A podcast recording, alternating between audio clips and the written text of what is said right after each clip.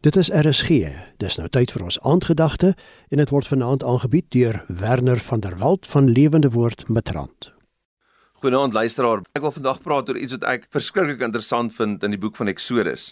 Weet jy, die agtergrond is dit gedurende die 10 plaae, nou spesifiek hierdie tweede plaag, die paras wat uit die Nylrivier het opgekom het en eintlik die hele Egipte oorheers het. Egipte het letterlik gewemel van die paras sê die eerste gedeelte van Eksodus hoofstuk 8 kom Moses na Farao toe.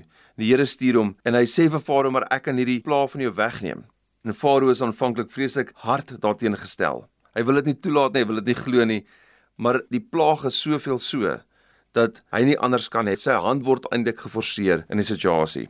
Die beskrywing van hierdie baie paddas sien ons in vers 3. Dit sê die paddas wemel in die huise, in die tente, in die slaapkamers, selfs wanneer ouens hulle oonde oopmaak, is die paddas daar.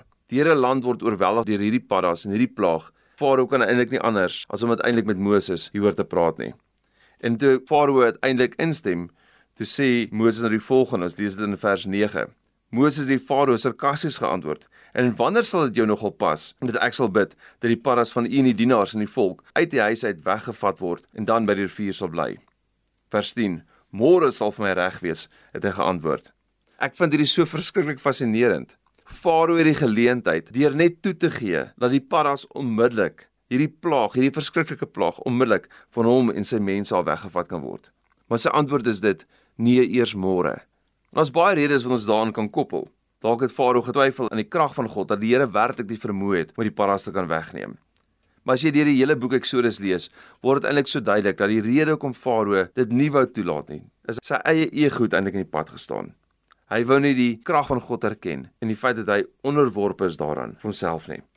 Weet en dis nou Farao se verhaal en so maklik vir my en jou om waar ons is te kyk en te sê maar Farao was hoogmoedig en kyk hoe verkeerd is hy en hoe sleg het hy opgetree. Maar hier's 'n waarheid dit van 'n deurskymer wat 'n toepassing het elke van ons se lewens. Die een ding wat ons kan weerhou van die krag van God, die volheid van God in ons lewens, is eintlik ons eie ego. Elkeen van ons het die potensiaal om soos Farao op te tree en te dink ons kan dit in ons eie krag doen, eerder as om op die Here te vertrou en toe te gee aan sy krag en sy vermoë. Kom ons bid saam. Here, dankie dat ons vanaand in, in reaksie op wat ons hoor, onsself net weer opnuut aan U kan oorgee en onsself in volle aan U onderwerp in Jesus naam. Amen.